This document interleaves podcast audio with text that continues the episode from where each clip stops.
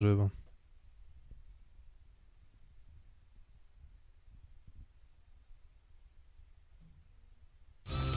Siatkówka jest chyba naj, najbardziej zespołowym z zespołowych z zespołów. Szósty set.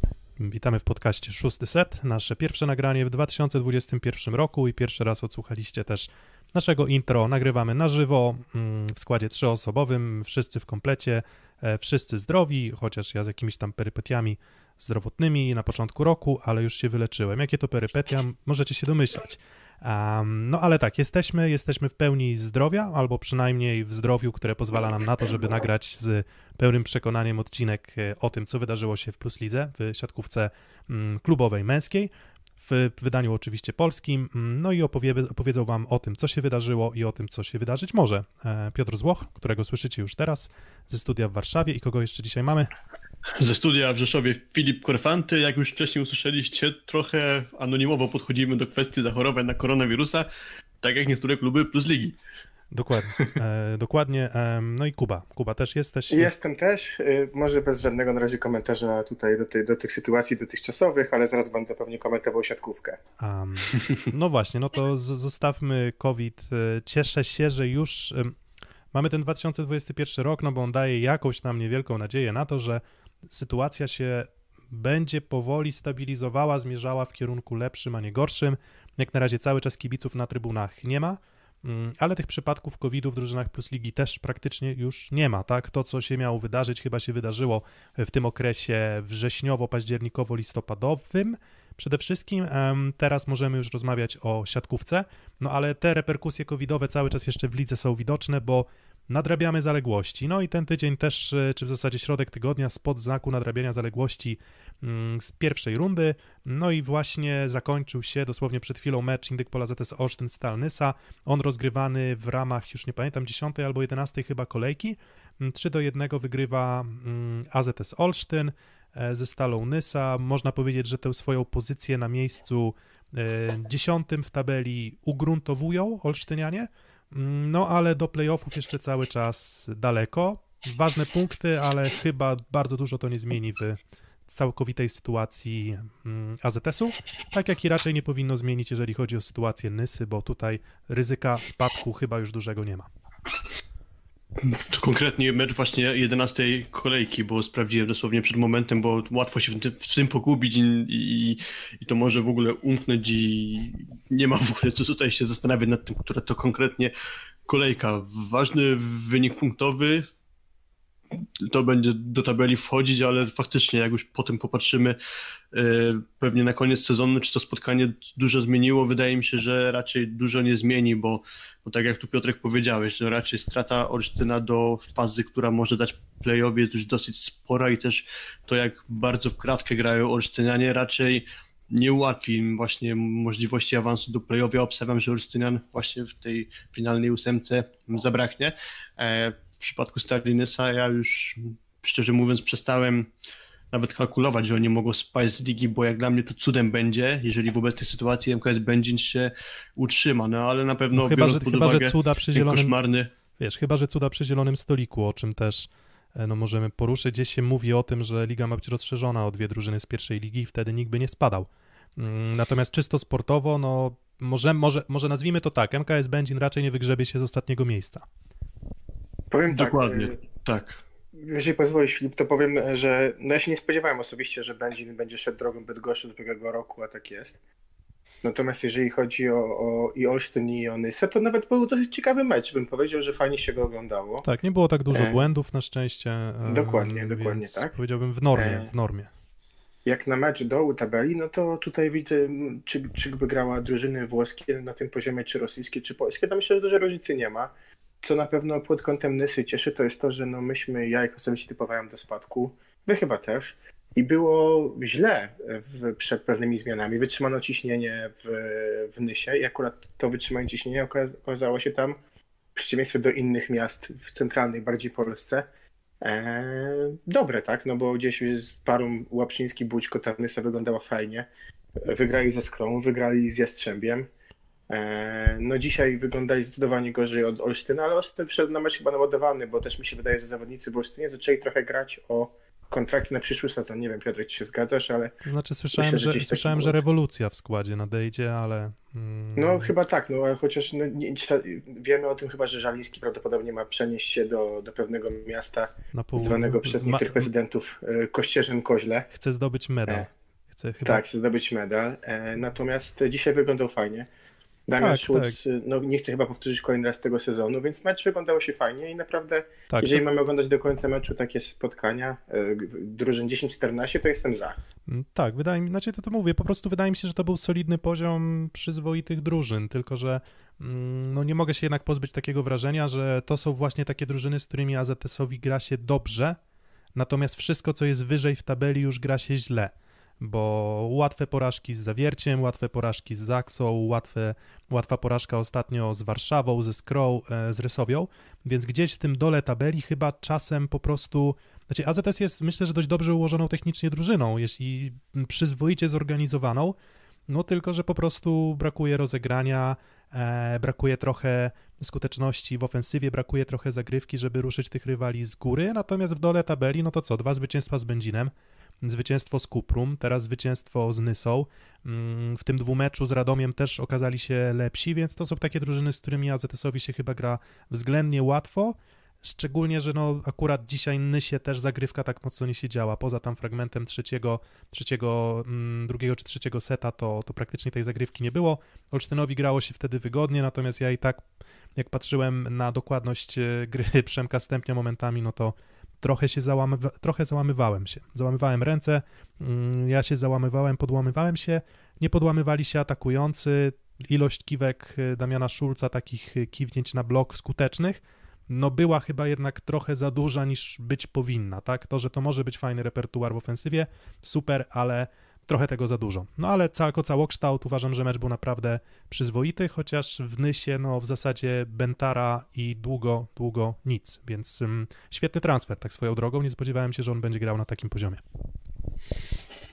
Dokładnie tak, a przedtem zacząłem mówić o Nysie, że odbudowują się po tym koszmarnym początku sezonu, gdzie tam już przestałem w pewnym momencie liczyć, ile oni spotkań po kolei przegrali, ale ostatnio Kuba mówił o tej wygranej z PGS Krobełchatów, z Jastrzębskim Węglem, ale też przytrafił im się całkiem niezły wynik, czyli tiebreak z Werbą Warszawa Orlen Paliwa. Ten dzisiejszy mecz trochę zaburzył ten obraz odbijający się od dna Nysy, ale i tak biorąc też pod uwagę takie różne perypetie Krzysztofa Stermacha, czyli odejście Bartmana, kontuzja najpierw Mbaje, potem kontuzja Lemańskiego.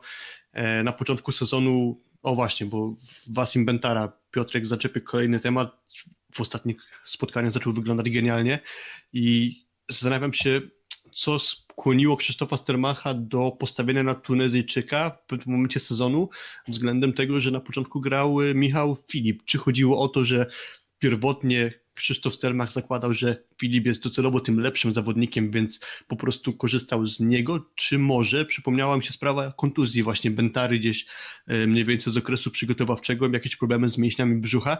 Być może to spowolniło ten jego wystrzał formy, stąd tak długa gra Michałem Filipem, ale, ale finalnie odstawienie już składu Bartmana i Filipa dało póki co rewelacyjny efekt. Można powiedzieć, szkoda, że tak późno z perspektywy kibiców Stalinysa, ale te kilka spotkań już e, ostatnich no, odmieniło ten obraz drużyny, który był pełen marazmu i po prostu momentami się odechciewało Tak, ale e, te spotkania ich oglądać. Widzisz, ale to też, to też pokazuje, że czasem jeden lider, em, czasem jeden lider, jeżeli chodzi o zespół drużyny z dołu tabeli, potrafi zupełnie odmienić ich, ich grę. I nawet w poprzednich latach, czy jak przypomnimy sobie na przykład Rafała Farynę, który był no, bardzo mocnym liderem MKS-u Będzin, tak i teraz widzimy, że Bentara też jest liderem. No, on do, dostał dzisiaj prawie połowę piłek swojej drużyny. Um, no to to są rzeczy, które no, na wysoki poziom ligowy nie wystarczą, ale czasem wystarczą na to, żeby, mm, żeby radzić sobie dobrze na poziom walki o utrzymanie. Mm, Słychać nas? Bo, bo na chwilę coś mogło rozłączyć. Nie wiem, czy tak czy też mieliście takie Y, wrażenie. Ja ciebie słyszę, nie wiem jak tam na YouTubie. Okej, dobra. A, ale dobra. Słychać nas? tak, wyda- znaczy wiesz co, wydaje mi się, że na moment mógł się po prostu odłączyć e, u mnie internet, nie wiem z jakiego powodu, ale, ale wydaje mi się, że już wróciliśmy. Tak czy inaczej Napiszcie mówiłem... na czacie, jeśli możecie, czy nas słychać. Tak, a tak czy inaczej, no mówiłem o tym, że, że Bentara jest y, no, liderem absolutnym, no bo on dostał dzisiaj prawie połowę piłek, o czym już wspominałem. Mm, Nie wiem, czy to było słychać. No i to jest jednak zawodnik zdecydowanie bardziej ułożony niż Michał Filip, tak? I, i to też jest ciekawe, że no, taki strzał znikąd. My się nie spodziewaliśmy, że Bentara będzie grał tak dobrze, natomiast trzeba też zauważyć, że to jest cały czas zawodnik względnie młody i myślę, że potencjał jego do progresu też jest spory. Jeżeli Nysie uda się utrzymać Bentarę na kolejne sezony, no to, to myślę, że to już będzie fajny filar razem z, mm, z przyzwoicie grającym Marcinem Komendą na budowę składu na kolejne sezony. Mhm. I dopiero trzeba pamiętać, że Bentara wchodzi na taki wysoki poziom, czyli mówimy o poziomie plusligowym, bo grając we Francji on przez kilka sezonów był e, takim atakującym, który sporo musiał się dzielić grą z, ze swoim rywalem, chociażby w jednym sezonie ze Stepanem e, Boye, a dopiero w ostatnim sezonie trafił do Ajaxu, ale to był, można powiedzieć, outsider ligowy i Bentara tam zagrał po prostu słaby sezon, a teraz no, po raz pierwszy mierzy się z takim wysokim poziomem, a, a to, zaczyna to po prostu wyglądać dobrze, a pewnie jeszcze jego sufitu nie poznaliśmy. Mm, Na pewno sufit na zagrywce, bo, bo potencjał fizyczny mm, przeogromny. Dobra, ale to tyle myślę o meczu AZS Wolsztyn ze Stalą Nysa. Mm, Jak ta sytuacja teraz w tabeli wygląda? No to wygląda tak, że Nysa ma punktów 16 na miejscu 13, 10 punktów przewagi nad MKS-em Będzin, Indyk Pol AZS Olsztyn punktów 21, do playoffów niby tylko 5 punktów, natomiast myślę, że że będzie bardzo ciężko, chociaż przed nimi jeszcze drugi mecz z Nysą, dwa mecze z Katowicami, ale nie, ale nie, nie spodziewam się, żeby to, był, e, to była szans, żeby to była duża szansa na awans na playoffy. Mm, A teraz jingle, no i o meczu wczorajszym, e, czyli no, można powiedzieć klasyku ligowym. Szósty set. Mm, No i jaki to klasyk, Filip? No, miałeś takie poczucie, że, że oglądałeś e, klasyk ligowy wczoraj? Miałem, można powiedzieć, podwyższoną temperaturę tak mentalnie, bo, bo jest to mecz, który o sporej liczbie aspektów decydował. Po pierwsze w kontekście ewentualnego awansu do playoffów y, obu drużyn i po drugie jeszcze w kontekście awansu do Pucharu Polski, czyli tej pierwszej szóstki po pierwszej y, rundzie fazy zasadniczej, e, bo też o tym później trochę więcej powiemy, jak ta sytuacja właśnie w, kon- w kontekście awansu do Pucharu Polski wygląda, no ale w związku z tym, że stawka była naprawdę duża, i jeszcze biorąc pod uwagę jakby tą historię spotkań między obiema ekipami, no to spotkanie na dużym poziomie emocjonalnym i jeszcze jego przebieg moim zdaniem podbił te całe wrażenia, bo, bo chociaż sportowo ja uważam, że yy, no tak krótko mówiąc rozgrywający po prostu zarżnęli poziom tego meczu, jeśli chodzi o aspekty sportowe, no to emocji tam nie brakowało, bo chociażby trzeci set i sędziowie trochę chyba podgotowali zawodników PGS Krybełchatów, tam sporo ostrych, e, niecenzuralnych słów padło, no ale chyba to nakręciło PGS Krybełchatów do walki, co w efekcie przedłużyło to spotkanie do pięciu partii i, i jeśli o emocje chodzi, to ja mi niczego nie brakowało. Gorzej z poziomem sportowym. To może ja powiem, ty się- chłopaki, że to właśnie- przypominało trochę ekstraklasę naszą piłkarską, tak? Czyli ligę silną emocjami, a niekoniecznie poziomem sportowym. Z drugiej strony znowu, jak nawiążę do piłki nożnej, jak już tak wszedłem w ten rytm, to Mieszko mógłby powiedzieć, że cytując świętej pamięci Janusza Wójcika, gramy bez bramkarza, no tutaj gram bez atakującego, tak? No bo mm, i występ Petkowicza i Filipiaka poza zagrywką Petkowicza, no to wołał pomstę do nieba i mm, z drugiej strony mając Butryna, który grał naprawdę nieźle, no to to myślę, że była największa różnica. Przykro się patrzyło trochę, przykro, może to mocne słowo, ale patrzyło się średnio na pojedynek reprezentacyjnych rozgrywających, pewnych praktycznie występów w, w Tokio. No, to nie był poziom, który da nam medal na, na, na rozegranie. Nie wiem, czy Witel ich obudzi, czy co się dzieje, ale no to nie wyglądało tak, jakbyśmy chcieli, że to, żeby to wyglądało, bo, bo mecz walki meczem walki. Trochę tak jak powiedziałeś Piotrek, jak zwykle tutaj kącik chwalenia twoich tweetów. E, walka o siódme miejsce, miejsce 7-8. No i tak to wyglądało trochę, no, poziomowo, właśnie, no właśnie szczerzy. trochę, trochę tak to Bo, wyglądało. bo, bo wiesz co, dzień wcześniej widzieliśmy y, Warszawę z Jastrzębiem, też tiebreak, chyba trochę wyższy poziom jednak gry. Mm, Tak, no ja myślę, że, że, że, że zdecydowanie. Mm, I żeby nie było, to się oglądało dobrze. Mm, Tylko, że tak jak mówisz, to ja tak przyrównując, to też będzie zbyt y, duża hiperbola, ale czasem mecze w klasie A w piłce nożnej też się ogląda bardzo dobrze. Otwarty mecz, y, dużo sytuacji, czasem jakiś dziwny strzał z dystansu się uda z 30 metrów, tak jak się udaje na wyższym poziomie rozgrywkowym. Mm, natomiast tutaj e, no, to, to, to, nie był wysoki, to nie był bardzo wysoki poziom gry, ale trzeba oddać Iskrze i Resowi, że zagrywką pracowali bardzo mocno. Mm, nie wiem, czy to była kwestia tego, że po prostu są to drużyny trochę wrażliwe w przyjęciu i, i, i tyle, ale no jednak Butryn szedł na zagrywkę i 127 na godzinę zagrywał. Z czym Skra sobie radziła lepiej lub gorzej, ale nawet patrząc na statystyki przyjęcia, no to to przyjęcie wyglądało bardzo źle. Rozgrywający nie mieli komfortu gry, ale nawet pomimo tego braku komfortu gry, no czasem to, co Mm, to jak musiał ratować na przykład Filipiak właśnie, wspomniany tutaj atakujący przez ciebie Kuba, po wystawach Łomacza, albo jak na przykład nie spotykał się Drzyzga na lewym skrzydle, albo każdy przerzut y, przez, nie wiem, szerokość boiska sprawiał, że piłka gasła albo no, nie można było z niej atakować komfortowo, no to to były takie sytuacje, które no, może nie przeszkadzały ludziom, którzy spoglądają na siatkówkę właśnie, czy patrzyli na ten mecz bardzo emocjonalnie, natomiast jeśli chodzi o taką chłodną ocenę, to no tutaj Filip, masz rację, to na pewno mi też bardzo przeszkadzało. A, a panowie, może ten, bo zawsze mówiliśmy dużo o nim, a dopiero zaczął grać i chyba od momentu, kiedy wrócił, to nie rozmawialiśmy, to może kącik Sandera miesiąc temu wrócił, parę spotkań. Ale kącik Sandera czy kącik wielbicieli Sandera, bo to jest istotne. nie, nie wiem, czy jestem takim wielbicielem. Znaczy, to jest nie no, chyba trosz, troszkę, troszkę jesteś. Troszkę, nie troszkę. tak jak Michała Winiarskiego. No to na A tak, to na pewno. Oczywiście, że nie. To jeszcze nie, musi popracować. Nawet nie tak jak Kevina Sasaka, ale nie. Tak poważnie. Co sądzicie? E, bo e, czy to jest, dla mnie to jest zawodnik, który wygląda dokładnie tak, jak wygląda zawodnik, który wraca po takiej przerwie, który ma mega potencjał, bo widać po nim przebłyski, ale widać po nim, że jest zajeżdżany fizycznie, że jakby to, to nie jest jego naturalne środowisko. Jeszcze, boisko.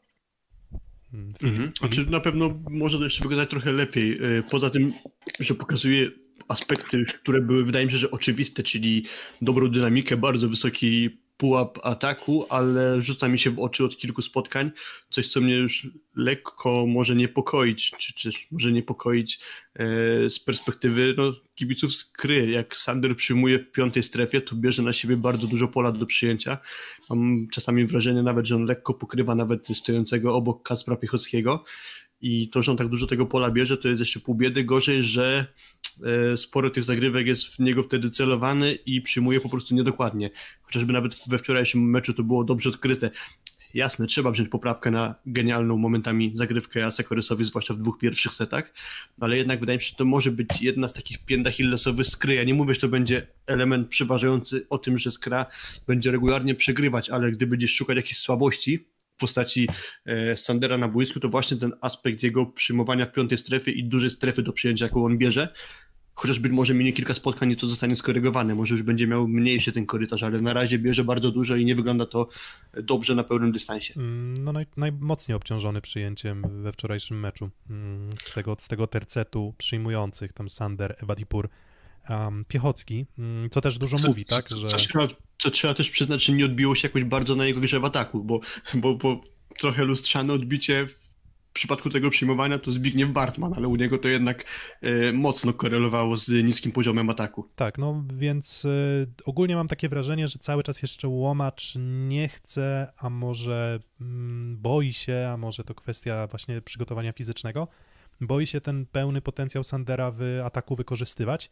Mm, bo wydaje mi się, że no, spodziew znaczy spodziewałbym się, że on na przykład, to on będzie tym zawodnikiem, który mm, w pięciosetowym pojedynku będzie atakował, nie wiem, 40 razy, a tutaj okazuje się, że 45 razy atakował Milate Badipur na przykład, tak? Więc tutaj podaję takie konkretne liczby, że to nie tylko o ten mecz chodzi, ale do tej pory Sander jest trochę kryty w ofensywie, moim zdaniem. Czyli raczej atakuje z pipe'a w sytuacji bardziej komfortowych, Natomiast prawda jest taka, że gdy raz na jakiś czas dostanie piłkę na wysoki podwójny blok, no to potrafi ten blok zmierzyć z łatwością.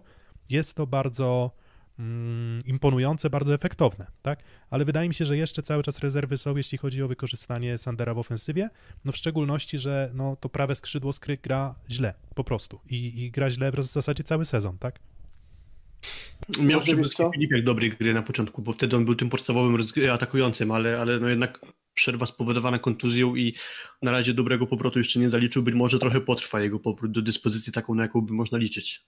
Można tak żartobliwie powiedzieć, że może wiesz, dużo piek do Sandera to nie jest play our game, jak to mówi Mieszko, wiesz, że our game to jest trochę inny rozkład. No właśnie, no, no tak, no tylko, że to jak na razie się okazuje, że to our game y, słabo wygląda.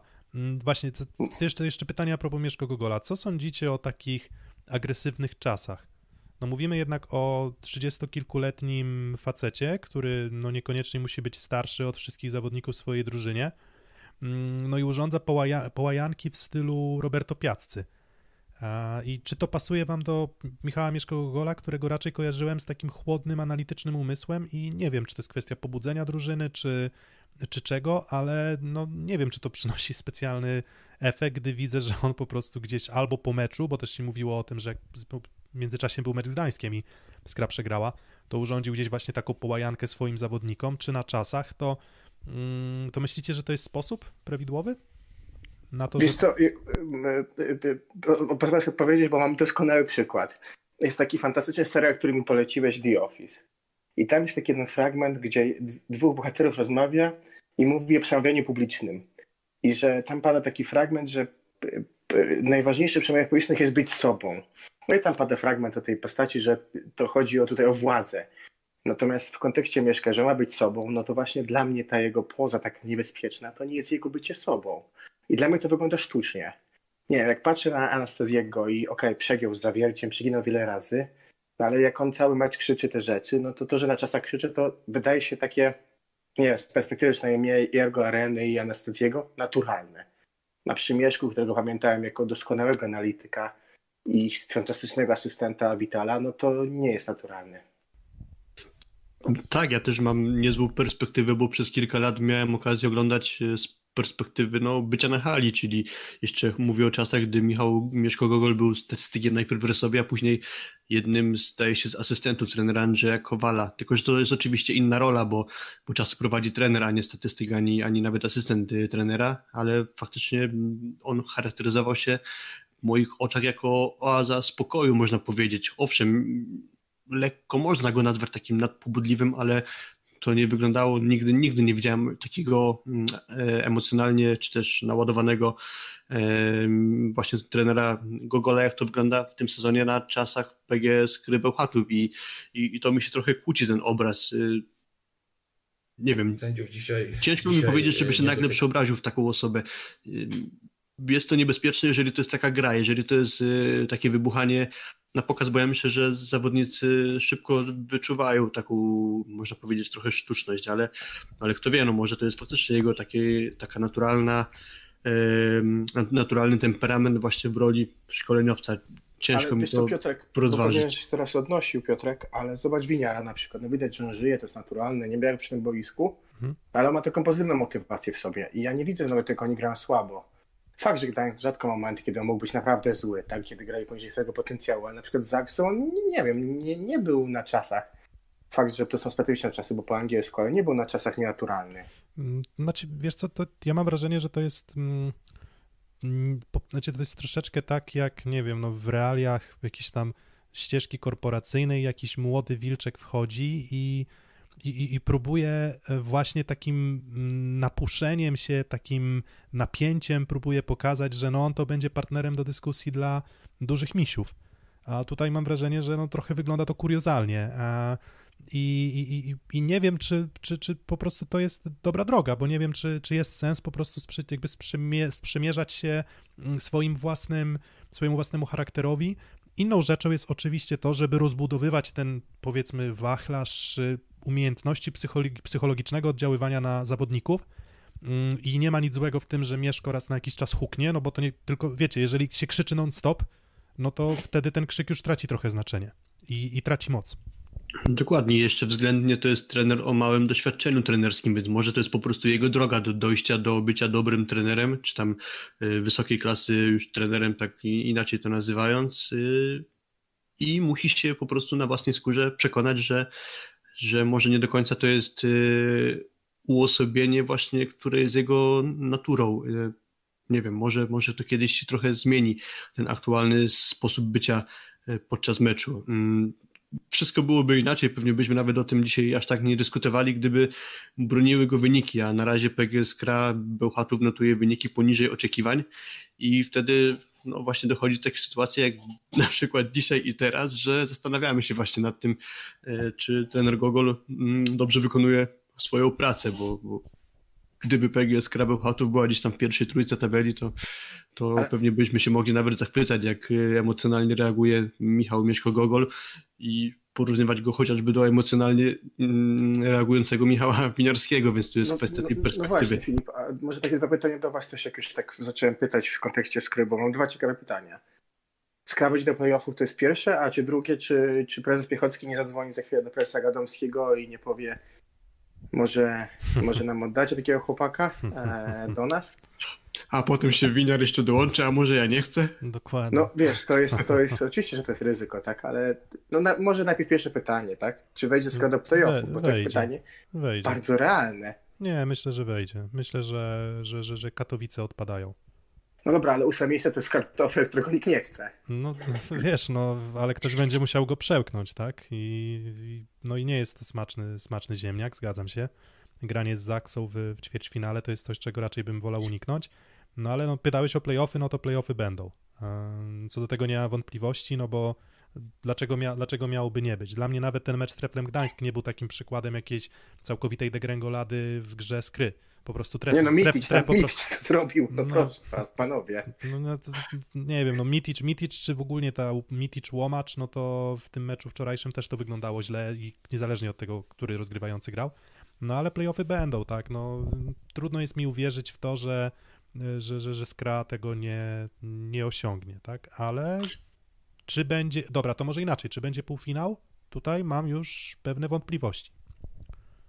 No ja mam tak samo, właśnie raczej obstawiam, że pewny awans do playoffów zanotuje Asakoresowej i PGS Krabełchatów, bo, bo tu właściwie jeśli ma, mówimy o jakichś niepewnościach, no to chyba tylko kto z czwórki Skra, Resowia, Suwałki, Katowice do playoffów nie wejdzie, a kto wejdzie, czyli na, na pół się ta czwórka podzieli, jedni będą szczęśliwi, niektórzy względnie szczęśliwi, bo trafią na Zaksa, znaczy mogą trafić na Zaksę, a dwie, dwie z tych drużyn po prostu z playoffów odpadnie, no ale ja obstawiam, że Skra i Resowia jednak w tych playoffach zagrają.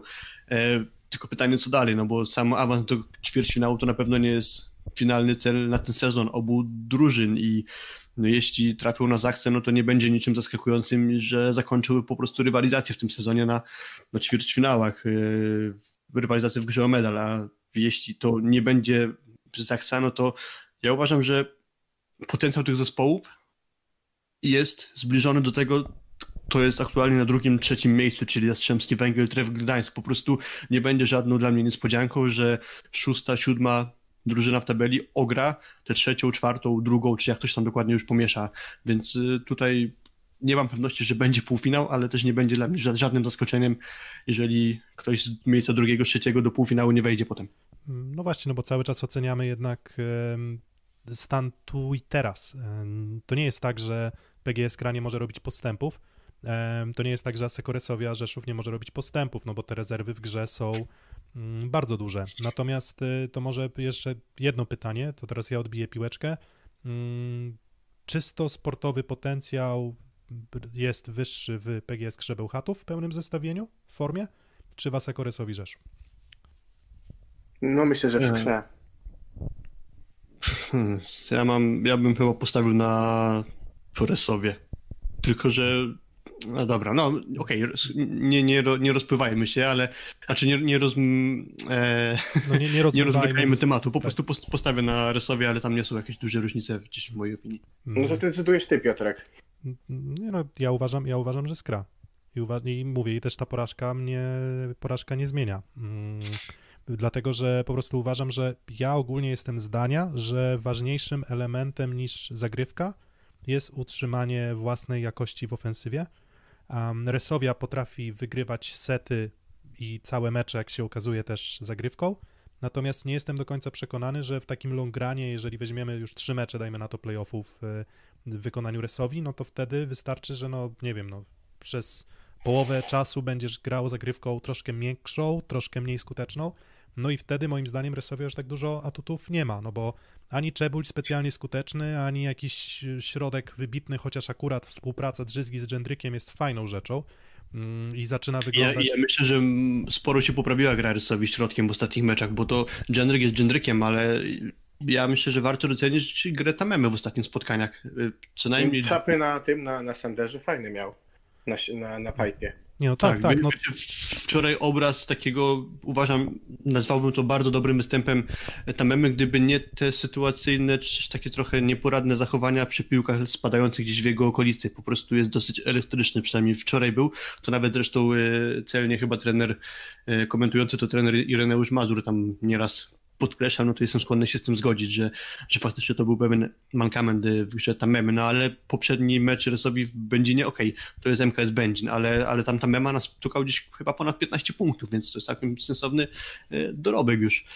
W kontekście Resowi, no to podkreśliłbym, podkreśliłbym głównie to, że cały czas gdzieś tam na ławce czeka do wejścia do gry Nikolas Szerszeń i, i liczę na niego właśnie i to może być e, ten bardzo ważny mm, element układanki właśnie Giulianiego pod kątem walki właśnie czy rywalizacji z PGS Crow. Kto wie, kto wie czy liczę, zaraz, że może przeważyć. Wiesz, kto wie, czy zaraz nie będziesz miał pary buszek Szerszeń albo parodii Szerszeń. Tak, bo to jest właśnie martwiące z perspektywy właśnie tutaj Rzeszowa, że niedobrze wyglądał Klement Czebuli, bo tam już po pierwszym secie miał jakieś chyba drobne zabiegi ze strony e, fizjoterapeuty e, Rzeszowskiego i też po meczu te jego łzy w oczy, to ja mam wrażenie, że to raczej nie były z jakichś kolosalnych emocji, które wzbudziło e, w nim to spotkanie, a być może było to trochę połączone też z bólem, jaki być może odczuwał akurat słoweński przyjmujący. No, on, on wyglądał jakby miał COVID, nie? On wygląda tak jak po covid że po prostu brakowało mu siły, ale tu była akurat kontuzja, natomiast no i też na moment daje... zmieniony przez szerszej na końcówce meczu, więc dokładnie, tam dokładnie. jest niepokojące trochę.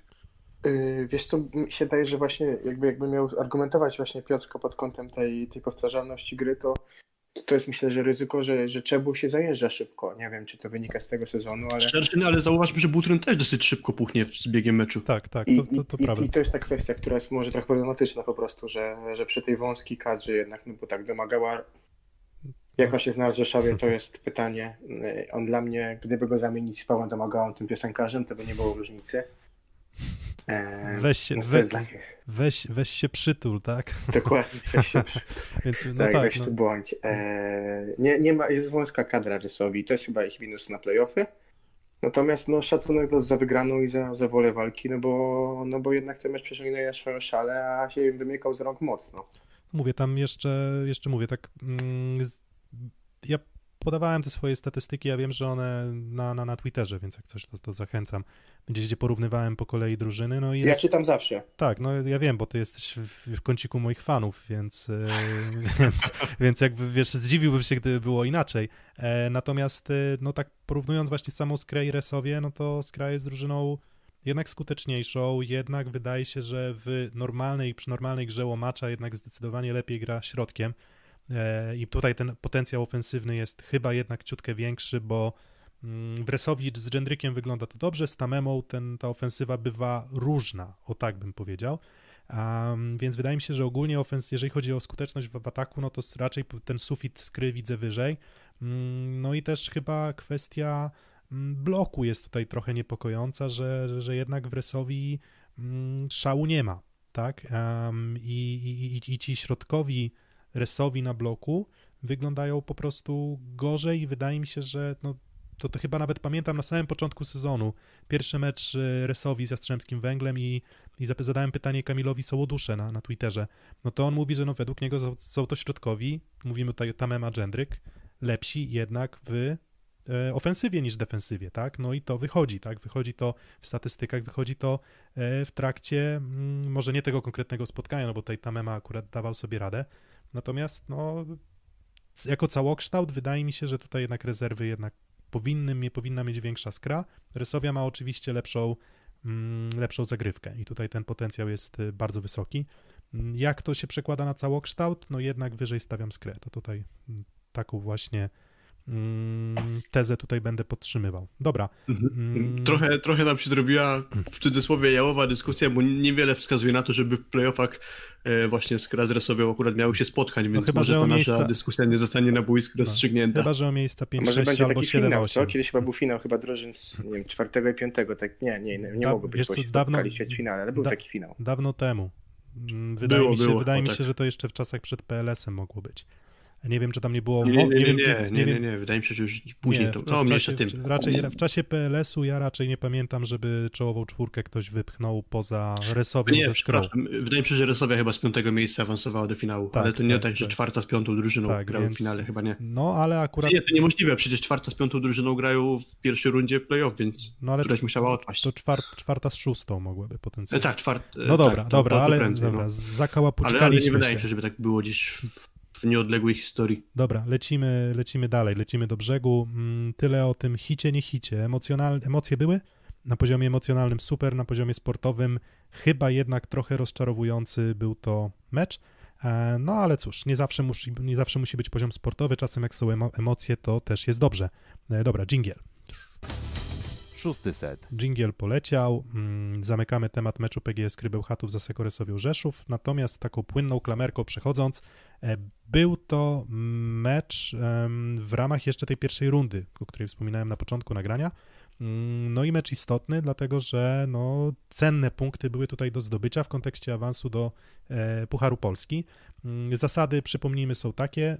Decyduje to, jaka będzie tabela po rozegranych 13 kolejkach planowych więc teraz tych zaległości jest dużo, te zaległości jeszcze będą cały czas nadrabiane. Mm, Natomiast na ten moment już wszystkie drużyny mają co najmniej 10 spotkań z tych 13 rozegrane. Mm, No i jak wygląda tabela, jak wygląda terminarz, Filip? Tylko 6 drużyn będzie mogło, będzie mogło awansować do, mm, do Pucharu Polski. Pewne miejsce grupy Azoty Zaksa, pewne miejsce Jastrzębskiego Węgla już w tej czołowej szóstce. No ale dalej, Skra 22 punkty, 11 spotkań. Zawiercie 22 punkty, 11 spotkań. Trefl Gdańsk 20 punktów spotkań 10, Werwa Warszawa 19 punktów spotkań 12, no i Aseko Resowia Rzeszów punktów 17 i spotkań 10. Ewentualnie jeszcze szansa Ślepska Malow Suwałki 17 punktów i spotkań 11. Te 8 drużyn będzie decydować E. Szansa jeszcze innych polu ACDS Łoczni, matematyczna, na Nie, ale podkreślam, dobra, ale, ale dobra. to już e, raczej możemy to odrzucić, że Olsztynianie awansują, przynajmniej ja w to nie wierzę, ale matematyczne szanse nadal są, bo Olsztynianie mogą mieć 21 punktów, a obecnie na piątym i szóstym miejscu jest Gdańsk z Warszawą, które mają odpowiednio 20 i 19 oczek. No ale może nie komplikujmy tego, no bo szanse na to są bardzo nikłe, więc skoncentrujmy Dokładnie. się To, może to na co tych... jest pewne, to Radom, Katowice, Nysa, Lubin i Będzin już pozagrało Puchar Polski.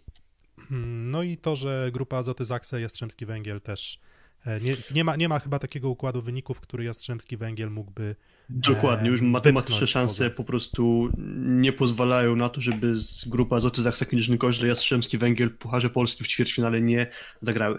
No to od góry. PGS Krabełchatów. Z kim jeszcze te dwa mecze rozegrają? I, i gdzie też? Na, na jakim parkiecie? Zostały dwa spotkania Bełchatowianom. Jest to mecz u siebie z Jastrzębskim Węglem i z Ślepskiem Malow Suwałki. No to w wirtualnej tabeli ile punktów byście przypisali skrze za te dwa spotkania?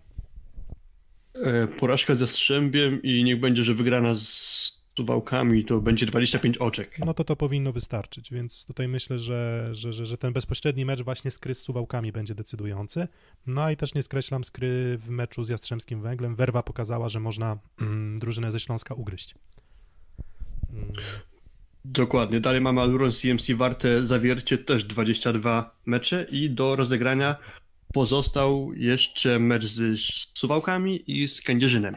No to z Kędzierzynem ciężko. Oba mecze u siebie. Tak, z Kędzierzynem ciężko o punkty. No tutaj znowu wygląda na to, że Suwałki mogą te karty rozdawać. e, W takim sensie, że no każde urwanie punktu z Krze albo Zawierciu może trochę piachu w tryby tej walki o playoffy tym drużynom e, nasypać. No ale dobra, to trzy punkty z Suwałkami zgarną, czy się podzielą, czy jak, jak, jak, jak w tej wirtualnej tabeli doliczamy? Ja proponuję dodać 3 punkty i to będzie 25 oczy, czyli tyle samo, co ma miałaby PGS Krabełchatów, idąc tym tokiem naszych tutaj e, przewidywań. Mm, Dobra, dalej. Trefl Gdańsk. e, Trzy mecze jeszcze do rozegrania. Mm, I z kim grają? E, W niedzielę w Rzeszowie, później u siebie z Olsztynem i GKS-em Katowice. No, Gdańsk wejdzie. tak, myślę, że Gdańsk wejdzie, bo w tych meczach z Katowicami i Olsztynem, no myślę, że te cztery punkty to spokojnie, z Resowią też myślę, że, e, że, że w- przy obecnej formie i Gdańszczan i, i Resowi stać ich na to, żeby co najmniej podzielić się punktami, tak? A nawet ten tiebreak z Resowią już duże problemy Resowi e, sprawi, jeśli chodzi o awans. Mhm. To dobra, to powiem wam tak, jeżeli załóżmy, że dopiszemy 25 punktów na konto e, Trefla Gdańsk, no to maksymalnie do zdobycia Suwałki mają 23, a Werwa Warszawa 22. To sprawia, że te drużyny już tych trzech przez nas wcześniej wymienionych nie wyprzedzą, więc No i zostaje... daje właściwie awans Iskrze, i Zawierciu i Gdańskowi. Pozostaje gra o czwartą lokatę jeszcze pomiędzy właśnie Resowią, Suwałkami i Werwą. Mm, No właśnie, no i Resowia gra mecz bezpośredni z Werwą jeszcze, mm, co, i I będzie to jedyny mecz y, Werwy do tej klasyfikacji właśnie 13 spotkań. Tak, więc tutaj jeżeli Werwa wygrałaby za trzy punkty z Resowią, no to może być trudno Resowi zgromadzić w tych pozostałych dwóch meczach wystarczającą liczbę punktów. Mm, No dobra, no ale tak czy inaczej, gdybyśmy to... Natomiast sytuacja jest taka, że Werwa nawet wygrywając za 3 punkty z Oseko Resowią tak naprawdę nie ma pewnego miejsca e, w pierwszej szóstce, bo wtedy warszawianie mieliby 22 oczka, e, a Resowia wygrywając pozostałe z tych trzech spotkań, czyli inaczej, e, ma Resowia rozegrane trzy mecze, przegrywając z Werwą ma jeszcze dwa, może zdobyć 6 punktów. To jest tyle samo co mm, Werwa, ale Rzeszowianie mieliby wtedy chyba jedną wygraną więcej, tak. Czyli, czyli w zasadzie całą tę tabelę będziemy mogli uprościć do pojedynku pomiędzy Werwą a Resowią, tak myślę przynajmniej. W sensie, gdybym miał postawić na jakieś pieniądze, to, to, to raczej postawiłbym na to, że Kędzierzyn, Jastrzębie, Skra, Zawiercie i Gdańsk się utrzymają. E, No, ale już żadnych pieniędzy nie postawiłbym na to, czy to będzie Werwa, czy, czy, czy Resowia. Raczej wyżej szanse mm, ciutkę chyba Resowi oceniam, ale, ale, ale tego nie wiem. Ślepsk nie sądzę. Mm, Nie sądzę, aby awansowali. Mhm. Też długa przerwa teraz y, siatkarza Andrzeja Kowala, też ciekawe jak to wpłynie na nich, no i dodatkowa komplikacja w postaci obu spotkań rozgrywanych na wyjeździe, no ale jak dla mnie y, będzie właśnie ta rywalizacja między Warszawą a Resowią i, i raczej bym już odrzucił te y, kandydatury właśnie Suwarszczan. Mm, Ale no, no, po prostu byłaby to dla mnie niespodzianka, o tak powiem. Tak, no jeżeli chodzi o ten harmonogram spotkań istotnych dla tej rywalizacji, no to tak jak mówisz, Resowia z Treplem Gdańsk w niedzielę, istotny mecz, tak, bo to jest, to są te zaległości z pierwszej kolejki, tak? Chyba dwóch, Tak, to jest ten pierwszy mecz właśnie, w którym y, Gdańszczanie poprosili o jego przełożenie. e, a potem jeszcze COVID e, przy drugim Gdyby ten mecz się odbył, to teraz sobie przypomniałem, że to byłby chyba jedyny mecz, który bym obejrzał z, chyba z kibicami na trybunach, zdaje się. Mm, Dokładnie, no ja ostatni mecz widziałem Indykpolu AZS-u Olsztyn z MKS-em Będzin w Sosnowcu. Tak sobie właśnie przypominam, że już prawie rok mija od tego czasu, bo to tam gdzieś tam było na koniec e, lutego. Um, Ja więc trochę brakuje, trochę brakuje. Próbowałem sobie przypomnieć, kiedy byłem ostatni raz na meczu e, siatkarzy, właśnie na żywo, ale to gdzieś pewnie gdzieś okolice, nie wiem, lutego, może marca, jakoś tak pewnie, ale byłem z kolei na jednym meczu Ligi Siatków i Kobiet właśnie na Developresie na początku tego sezonu, więc względnie niedawno na meczu siatkówki byłem, A ale to nie, ty- nie na temat, nie na temat, do brzegu panowie. Właśnie, dobra, to a, a ty Kuba pamiętasz? Kiedy ostatni raz e, sport, Tak. sport na żywo? Czy, czy, czy siatkówka na żywo? Znaczy sport na żywo ostatni raz, to jak graliśmy razem w piłkę. No, a, no dobra, no to dobra. No, a, to, a, to już z pół, a to już pół roku temu było. Ale, ale nie w FIFA, tak? Nie, nie no w FIFA, Tak, tak, nie w FIFA. jesteś nie kierowcą w amatorsko. Need for Speedzie. Nie, bo tak amatorsko to wczoraj nawet samyczkarstwo było, ale tak poważnie to, to y, w, lut, w styczniu byłem na Torwarze? Albo w lutym? Chyba końcówka stycznia to był Torwar. Czy- Albo, nie, może nie Torwar, tylko Hala Usynów. No, Werwa ogólnie. Ale no, ale, ale zeszłego roku. dawno. Czy... Y, 20, oczywiście, No oczywiście tak, 20. no, no właśnie, no to już, już będziemy mogli niedługo y, rok mieć nabity. No mam nadzieję, że No, a mam nadzieję, że do, do W playoffów kochanej Ergo Arenie to byłem na święta, bo był y, Gdańsk Jastrzębie, chyba 3-0 Jastrzębie rozstrzelało Gdańsk w Okej, ubiegłym dwa- sezonie. To 2000 ostatni raz w Ergo. 2019 wtedy roku, tak? Tak Okej. jest. No, no to jednak to pokazuje dużo. Dobra, trochę prywaty, mm, no ale mamy nadzieję, że będzie można chociaż z perspektywy trybun obejrzeć playoffy. Mamy nadzieję, że ta sytuacja już się ustabilizuje na tyle, żeby chociaż część kibiców y, mogła dołączyć. Mm, Puchar Polski i omówienie szans na Puchar Polski za nami. E, No to teraz pierwszy trener zwolniony w mm, tym sezonie Plus Ligi.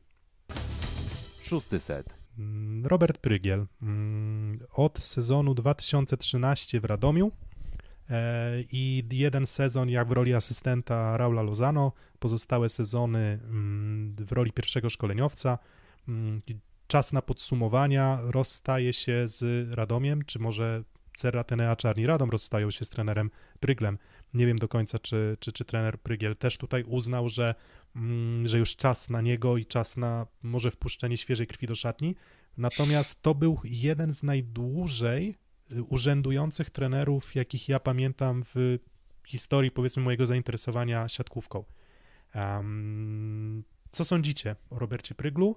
E, Czy uważacie, że ta kadencja jego była sukcesem, była na miarę oczekiwań, na miarę potencjału finansowego, organizacyjnego Radomia? Może dałoby radę wycisnąć więcej? Ciekaw jestem waszego zdania. Takie, takie wiecie, me, me, memento mori. Chwycimy czarni zawsze kojarzył się z stanami średnio niskimi w tabeli plus ligi, co też może trochę mówi o pracy Roberta Prygla, czyli tam raczej spektakularnych sukcesów nie było, aczkolwiek oczywiście pamiętam o tym sezonie e, 19, e, 18-19, gdzie czarni skończyli na piątym miejscu.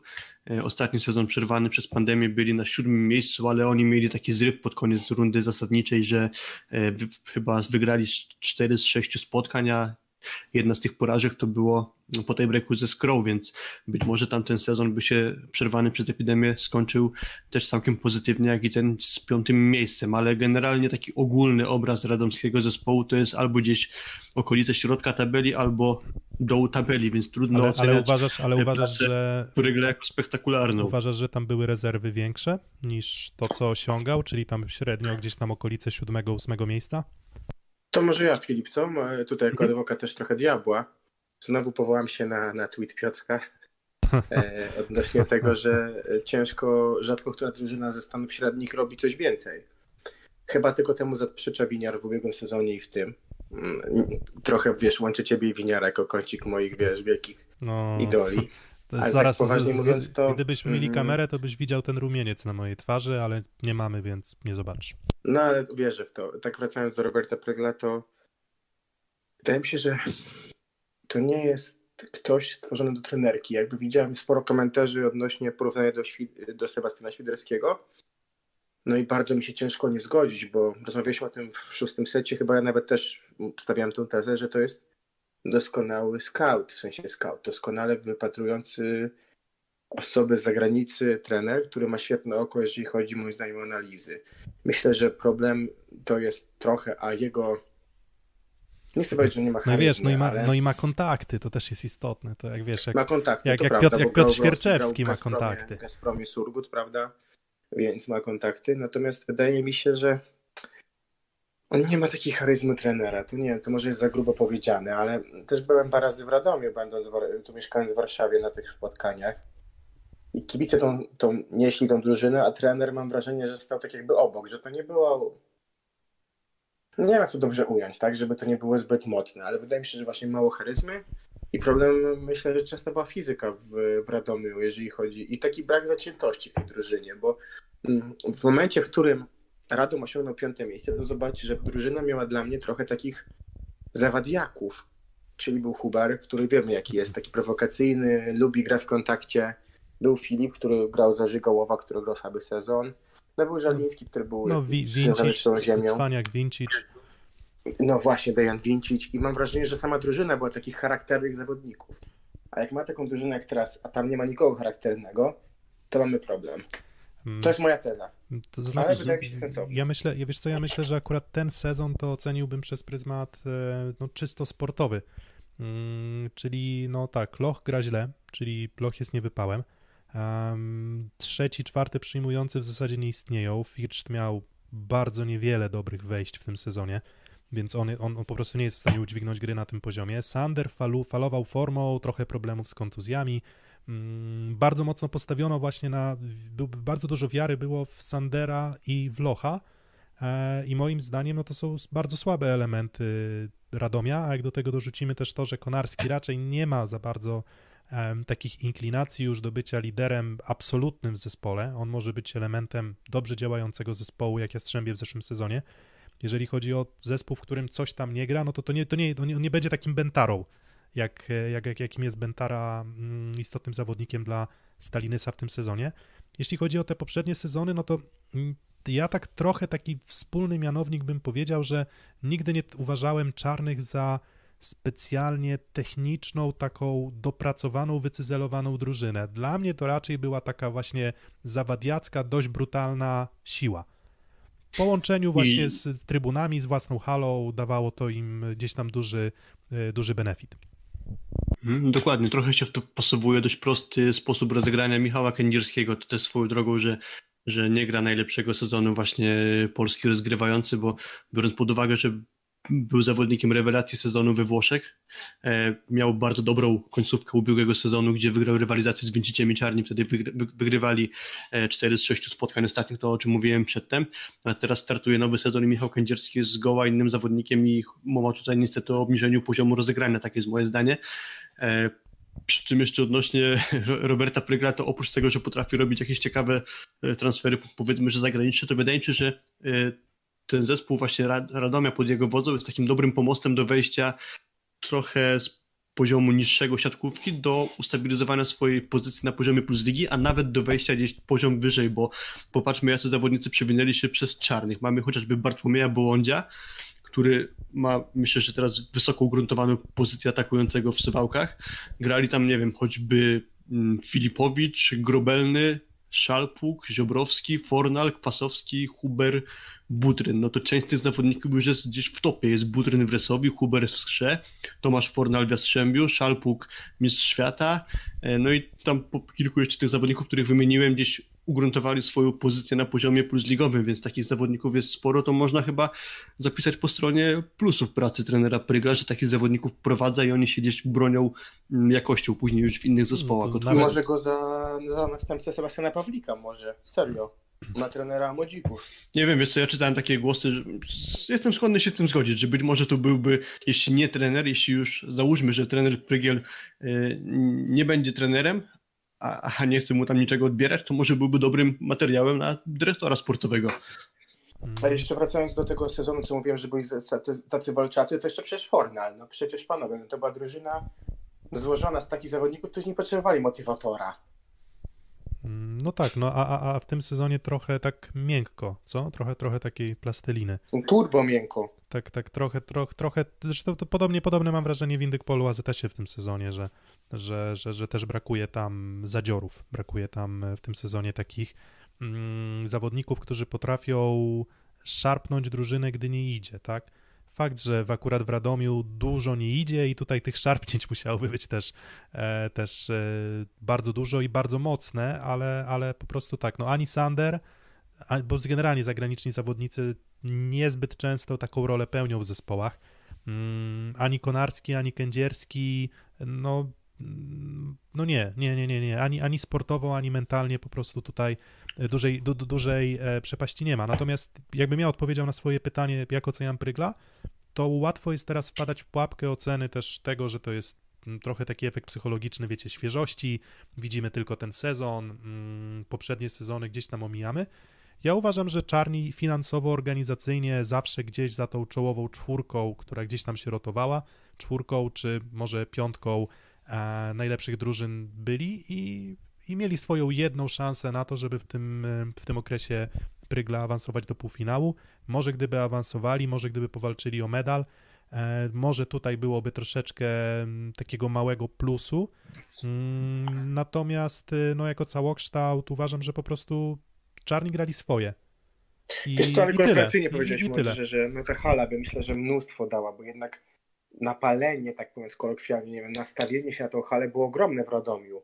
Przecież to miało być no, rewolucja tak naprawdę, super nowoczesna hala, no to by się inaczej grało niż w hali pod złotym sufitem, tak? No i właśnie trochę... To ogromna różnica. Wiesz, tak jak w zawieszeniu ten moment skończenia, oddania do użytkowania hali, tak i trochę w zawieszeniu ta budowa drużyny Radomia.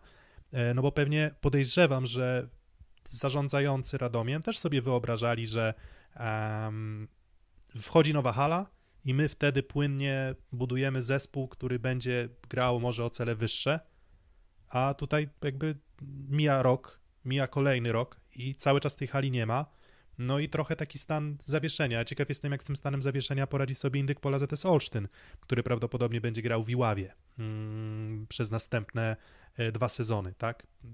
Nie wiem do końca, jak sobie poradzi. Wiesz, kto będzie dobrze radził? Przemek Stępień, bo jest z Iławy. Mm, No, jeżeli Przemek Stępień jeszcze będzie zachwycał swoim rozegraniem e, kibiców e, w Iławie mm, do tego czasu. No może, może w roli drugiego rozgrywającego, trudno mi powiedzieć.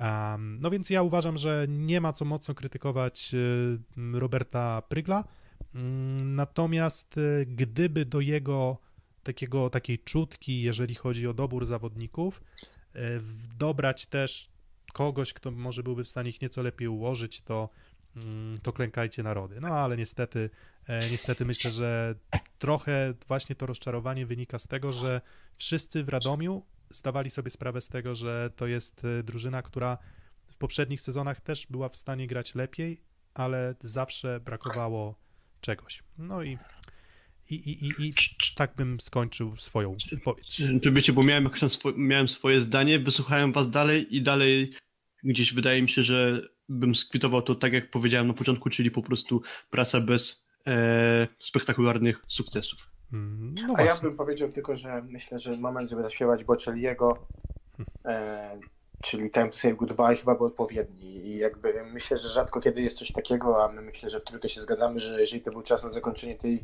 długiej relacji, to to był czas po prostu dobry. No właśnie, długa relacja, bo ja też jestem z kolei zdania, że e, w To jednym tutaj- to- miejscu praca trenera nie powinna trwać bardzo długo, a, a uważam, że 7 lat to jest bardzo długo. Ja sądzę, że pewien trener zawsze gdzieś jest, ma swoje tam indywidualne przekonania, więc każdy trener się minimalnie między sobą różni, ale w pewnym momencie następuje takie wypalenie, więc y, praca tam powiedzmy 3-4 lata i dalej ja już nie widzę, żeby dany trener mógł dany zespół jeszcze bardziej rozwinąć pod swoją wodzą.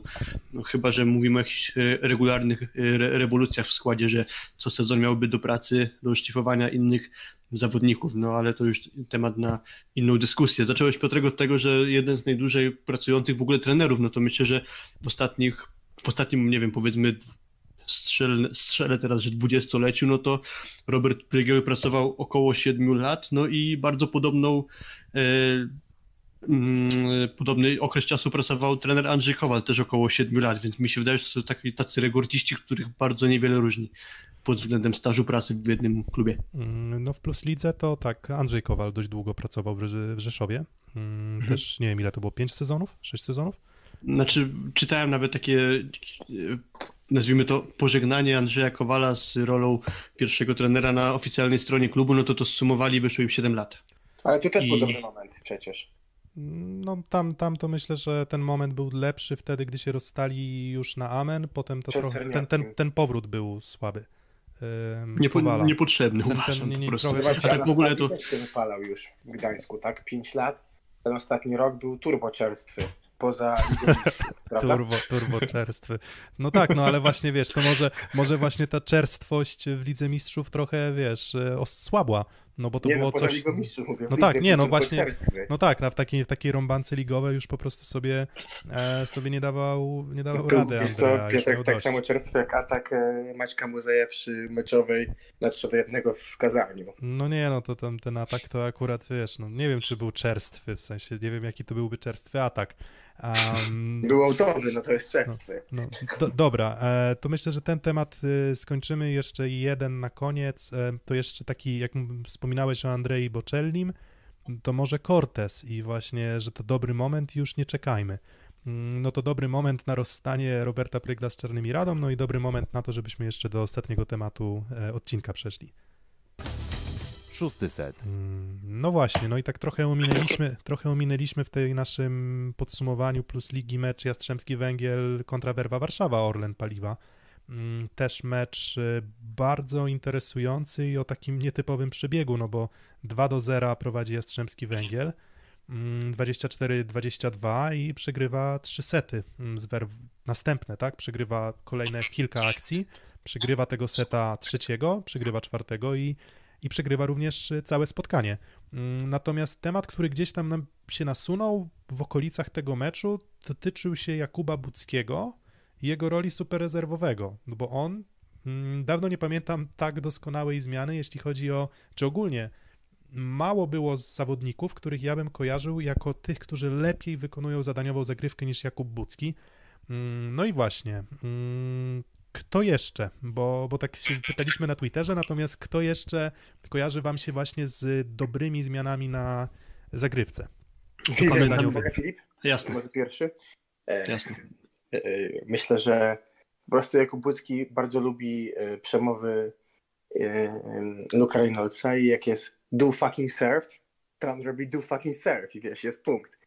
E, Bo, bo, bo, bo co nie słucham Luka Reynoldsa, to słowo fucking, przepraszam, może trzeba wypipać je na potrzeby e, e, Ale wiesz co, ale YouTube'a, na no, YouTube-. Nie, nie, nie, ale wiesz co, ale na YouTubie wybieram opcję, że nie dla dzieci, e, bo tam A, wiesz, okej. że, że, że, że na No starcie no live'a muszę się no to nie określać, muszę- czy to, nie muszę czy, czy tego, to dla dzieci, Więc to do niego trafia. A tak poważnie, no to po prostu chciałem się zaśmiać trochę z tego, bo w drugi, co drugim zdaniu mówi to Luke Reynolds i to jest trochę komiczne. Natomiast ja pamiętam Michała Ruciaka głównie z reprezentacji, że Rucek wchodził jako ten czwarty przyjmujący i ta zagrywka była naprawdę dobra. No zga- tak, to tak, Ru- Ruciak, no to z kolei pamiętam, jak wrzuciłeś Piotrek temat na naszej grupie na Messengerze, no to ten pierwsza myśl Mateusz Malinowski. Tak, no właśnie, no i w sumie Mateusz Malinowski z roli z łaską Michałem, tak? Jeżeli dobrze pamiętam wtedy w Jastrzębskim Węglu. Mm, Tak, tak. I on, i on właśnie wchodził i, i faktycznie te zmiany były bardzo dobre. Mm, W dawnych czasach był taki zawodnik jak Adrian Patucha w AZS-ie Częstochowa też, który drugi atakujący. Mm, No i on jak musiał atakować dużo, to wyglądało to nieciekawie, ale jak wchodził na zagrywkę, to, to często swoje, e, swoje cele osiągał, czy też e, cele drużyny, jeśli chodzi o mm, bombardowanie z za linii 9 metra. Mm, I jeszcze nie tak dawno grał chyba w Lubinie i też kojarzysz, chyba wchodził na zadaniową na zagrywkę. Dokładnie, e, bo tym sezonie, jakby tak się zastanowić nad zadaniowcami, to co? To no Petkowicz dobrze się zaprezentował w poprzednim meczu, tak? Bo wszedł i chyba dwa asy zaserwował, no ale to chyba jednostkowy Ale, ale też niezłe zmiany, chociaż nie tak efektowne, Bartłomiej Królicki, bo przy nim y, kilka breaków się pojawiło akurat y, Resowi. ale to wiadomo, nie jest ten poziom jakby efektowności, gdzie idzie zawodnik jak Bucki czy Pytkowicz i potrafił przyładować mocno z wyskoku, który jest jakby trochę inny efekt, ale podkreślam, że Bartek Królicki też jakieś tam e, breaki z zagrywką potrafi zrobić i tak było chociażby w tym meczu ze Skrał. Tak, a wydawałoby się, że wszyscy mówią, że już floty nie, nie, nie, nie robią krzywdy, a tu się okazuje, że No Że to jednak- sobie przypomnijmy, idąc dalej, Łukasza Perłowskiego w takim razie. No, o, no, znaczy tak, tylko myślę, że Łukasza Perłowskiego kojarzę równie bardzo z tych zagrywek trudnych, jak i z zagrywek, które kończyły się na siatce. Nie wiem, czy, czy też masz takie wrażenie, bo, bo, ja nie, jakby często miałem wrażenie, że no, to nie działało tak, jak może wszyscy liczyliby, żeby, żeby działało. Nie wiem, jakie Mhm. wspomnienia z Rzeszowa Tak, tak, to na, na pewno to nie było tak, że stu- stuprocentowa regularność e, pozytywnego efektu, ale no nie, oczywiście to mam gdzieś tam, mm, obija mi się powiedzmy o uszy, że wchodzi Łukasz Perłowski w ważnym momencie, a siedzę na trybunach i ludzie wokół mnie mówią, no po co on tego Perłowskiego puszcza, przecież wiadomo, że w siatkę walnie. No i wchodzi i, no i walnął w siatkę. No i to, i, to, i to wydaje mi się, że przy meczowych też mu się zdarzało, czy tam setowych. E, jakoś, jakoś tak kojarzę właśnie. No ale tak, ale Łukasz Perłowski, e, Łukasz Perłowski na pewno. Właśnie Mm. wspomniałem o nim odnośnie właśnie plotowców z tego sezonu. E, Zostając w temacie, no to Patryk Szczurek, ale to też nie jest żadna efektowna zmiana i przez bardzo, bardzo długi czas ona była totalnie nieefektywna, bo pamiętam nawet to kiedyś liczyłem chyba na Twitterze, wyszło mi, że dopiero chyba za 12 albo 13 wejściem Nysa zrobiła breaka przy jego zagrywce, więc można powiedzieć 12-13 zmian około było zmarnowanych przez Krzysztofa Stermacha. Um, właśnie zagraniczne, no to Nimir swego czasu wchodził, ale pamiętam, że też był taki zawodnik jak Frank Dene. Nie wiem, czy kojarzycie, w Skitko. W Olsztynie. Tak, on był drugim rozgrywającym za czasów Mlekpolu AZS-u Olsztyn na paręnaście temu i, i też pamiętam, że ta zagrywka interesująca, taka, taka płaska, e, pła- płaska, mocna zagrywka. E, mało rozgrywał, no bo wszystko grał za gumny, no bo tam za gumny raczej rzadko kiedy wpuszczał zmienników na, na boisko. No albo miał tych zmienników w Olsztynie i nie tylko dość słabych, więc, więc stąd też... No miał Nimira. E, No tak, no miał właśnie, miał, miał Nimira. Em, no, i, no i tak, no i Nimir um, zastanawiam Wiesz, kogo jeszcze pamiętam, jeżeli pozwolisz? Przepraszam, bo wejdę do dawaj. lokalnych y, Gdański. kontekst, no Damian Schulz, jak, jak jeszcze był ten sezon, kiedy był Murphy Troy, mm, a był w formie niesamowitej, no to on wchodzi dobrze na zagrywkę i bardzo fajnie wyglądał jeszcze przed tym, jak był drugim. No i Miłosz Hebda. Oboje naprawdę dużo wnosili w tym sezonie jednym, kiedy Gdańsk był trzeci, no ale to taki bardzo patriotizm lokalny i oparty o jeden sezon, więc może się nie do końca liczy. Mm, No właśnie, kto, kto jeszcze, kto jeszcze? Mm, E, Pamiętam tweety, które się pojawiły właśnie na naszym kanale szóstego seta, a czy na profilu szóstego seta, tam e, były wspomniane nazwiska. Ja tego dokładnie nie pamiętam, więc e, nie jestem w stanie tego ocenić, jakby trafności typu, ale Alex Damiao, zawodnik z, e, no chyba z ponad 10 lat, sprzed ponad mniej więcej 10 lat chyba, bo, bo ciężko sobie go przypomnieć. E, z obcokrajowców Aleksiej Ostapienko, Sergiej Baranow, takie dwa nazwiska padły. Ale ja nie jestem w stanie sobie przypomnieć, jak to wyglądało. mm, no właśnie, mm, kto, Odległe czasy trochę. Znaczy Ostapienko jeszcze gra z tego, co kojarzę. Ja, ja, ja Baranowa akurat pamiętam z połamanej antenki kiedyś na meczu. Jakieś nie, nie wiem, czy też, też pamiętacie, że, że była taka sytuacja. Pamiętam też, że raz na jakiś czas y, Libero wchodzili na zagrywkę też, tam licząc, że, że, że, że, że, że, że jakimiś tam zagrywkami, też może lepszą pracą w obronie jeszcze są w stanie mm, To ja jakieś pamiętam. Puchar Polski we Wrocławiu chyba w 2019 roku, to Mateusz Janikowski zdaje się, ale, przepraszam, nie Mateusz Janikowski, nie, coś poszczędziłem, nie, nie, dobra, cofam, nie Mateusz Janikowski, przecież to nie jest, nie jest libero, Nie ma. Dobra, ale, ale, ale wchodził na zagrywkę i te stacjonarne zagrywki tam posyłał, o to mi chodziło, ale to nie jako libero oczywiście. Dobra, to temat się rozmywa, to jeszcze drugi, drugie pytanie, bo mówiliśmy o takich zmiennikach zadaniowych. Nie wiem, czy, czy, czy, czy jestem w stanie sobie tak łatwo przypomnieć, bo oni też trochę umykają, natomiast inne pytanie. Mm, Jest taka teza, która mówi, że Jakub Bucki jest najlepszym rezerwowym w lidze. Ja uważam, że jest najlepszym zadaniowym zmiennikiem, jeśli chodzi o zagrywkę. Natomiast kto według Was jest najlepszym rezerwowym z zawodników? Wiadomo, że trudno o definicję, no bo czasem to jest kwestia kontuzji, trzeci zawodnik wchodzi. Mm, Natomiast jakie nazwiska Wam się kojarzą, jeżeli byście pomyśleli o takich zawodnikach, że Ale atakujący czy wszystkie wszyscy, wszyscy, mówię złoty, łatwiej złoty, byłoby wskazać najgorszych zmienników. złoty, złoty super, e, złoty super rezerwowy. Mm, Ale jakakolwiek pozycja? Jakakolwiek, no tak, to bo jakby jakbyśmy się mówię, bo moim zdaniem nie jest to Jakub Bucki, ale może, może wyjdzie, wyjdzie nam na to, że jednak Igor Grobelny. No tak, no i ja właśnie Igora Grobelnego bym stawiał dość wysoko, bo, bo, bo wcale nie wygląda ta gra Warszawy gorzej niż wtedy, gdy zastępował Szalpuka, czy też Kto Kwolka. jest pierwszym, kto jest pierwszym dwójką w Jastrzębiu? Mamy trzech. Nie Mhm. wiem, ilu wtedy co, Szymura? No, jeżeli uznamy, że Luati grał trochę więcej niż, yy, znaczy w, trudno powiedzieć, bo nie, nie bardzo to wiem. Szymura z na pewno, nie? Z tego sezonu jednego, kiedy wszedł za Dero. To na pewno, No prawda? tak, ale, ale, właśnie, ale właśnie skoncentrowałbym się na tym sezonie. Krzysztof Rejno, też uważam, że, Tak, mm, tak, to że, że, że to jest ym, do, do, Huber.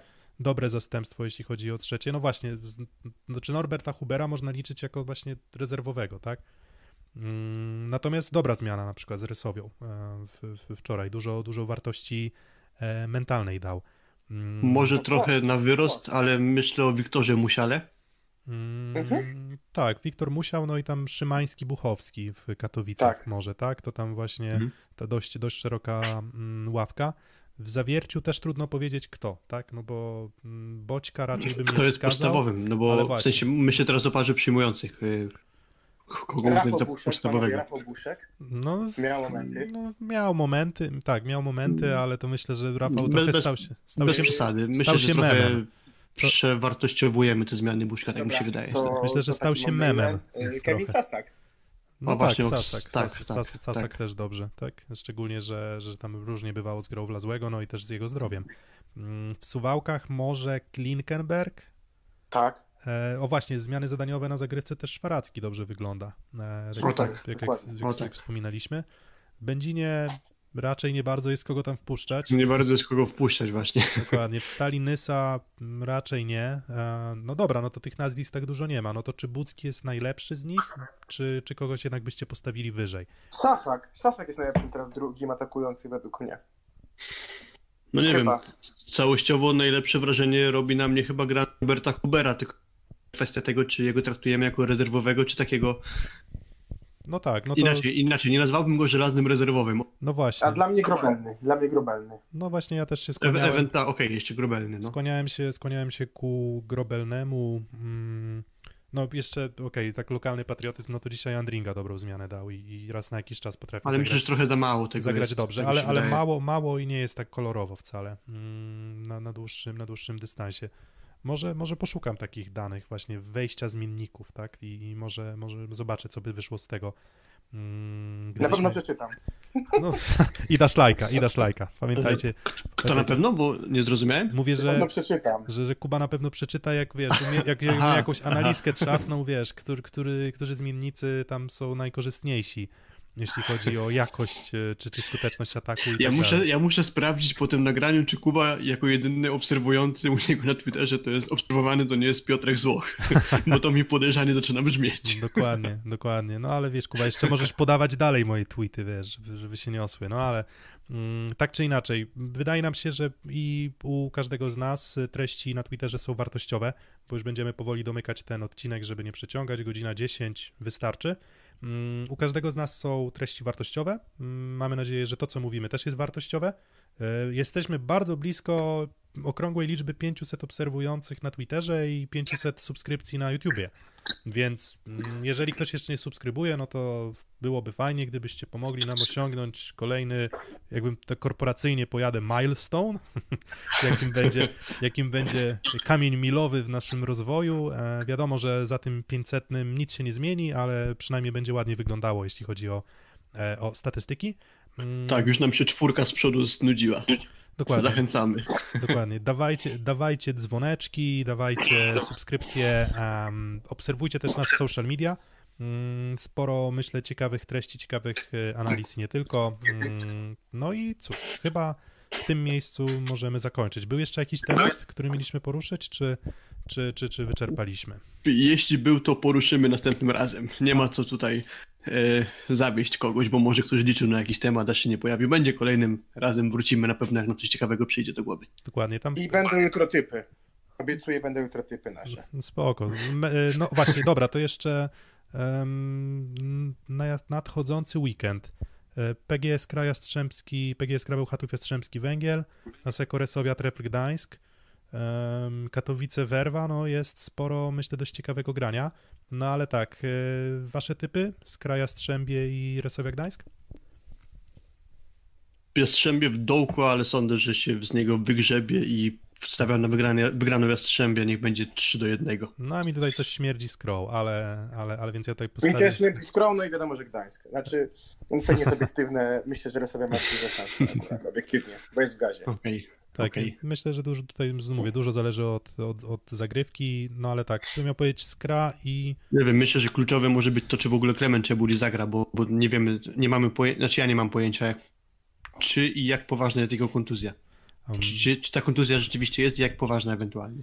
No to na pewno to uwzględnimy w swoich typach, natomiast już jutro na Twitterze y, przygotowane świeżutkie typy przez Kubę Lewandowskiego, naszego naczelnego Tak. grafika i no i cóż, tyle. Śledźcie nas i dzięki za dzisiaj. Mam nadzieję, że słuchało się dobrze i nie gorzej na przykład od ym, pana komentatora Swędrowskiego, bo być Swoją może... drogą trzeba będzie posłuchać, bo jestem ciekawy formatu, bo, bo jednak rzadko mam okazję słuchać właśnie pana Tomasza Swędrowskiego e, poza stanowiskiem komentatorskim. Dokładnie, więc Że- ciekaw, ciekaw jestem, czy, czy jest tam. Mm, czy, czy, czy po prostu, czy, czy, czy, to, czy, to, czego, czy tego słucha się dobrze. E,